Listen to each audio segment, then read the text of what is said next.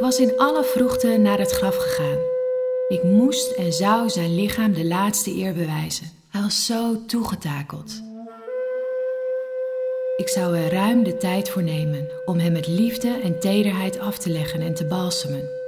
Het laatste wat ik voor hem doen kon.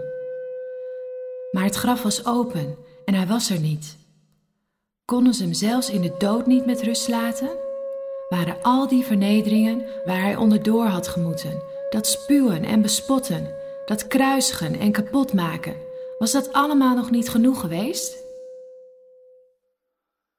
Ik vergat mijn balsemvaasje en rende naar Petrus en Johannes. Ze hebben de Heer weggenomen en nou weet ik niet waar ze hem hebben gelaten. Wat had ik verwacht? Begrip? Ze waren zelf nog te verdoofd door alles wat er gebeurd was om te horen wat ik zei. Ze keken me aan alsof ik hysterisch was. Misschien was ik dat ook wel. Maar uiteindelijk kwamen ze overeind en renden met mij naar de begraafplaats. Ook zij constateerde dat het graf leeg was. De doeken waarin zijn lichaam gewikkeld was geweest, lagen er keurig netjes opgevouwen bij. Tja, en toen zijn ze weer vertrokken, nog altijd verdoofd. En ik bleef achter, in tranen.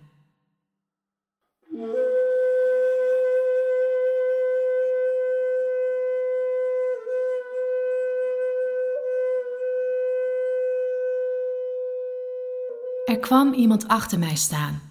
Mevrouw, waarom huilt u zo? Op dat moment drong het nog niet tot mij door wat voor idiote vraag dat was. Hebt u ooit aan iemand op een begraafplaats gevraagd: waarom huilt u zo? Ze hebben mijn meester weggenomen en nou weet ik niet meer waar ik hem zoeken moet. Of hebt u hem soms? En toen noemde hij mijn naam. Hij noemde mijn naam, die stem. Ik zou hem uit duizenden herkennen. En toch had ik hem nog niet herkend op het moment van die idiote vraag. Rabuni, hij was het. Ik twijfelde er geen moment aan. Daar was hij. Ik omvatte zijn voeten, zoals ik dat zo vaak gedaan had, zoals ik het voor het laatst gedaan had, toen hij van dat vreselijke kruis was afgenomen.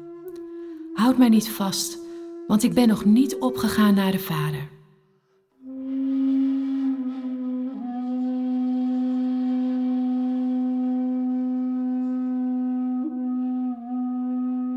Nu, achteraf, sinds hij inderdaad naar de Vader is teruggegaan, nu besef ik pas wat die woorden betekenen.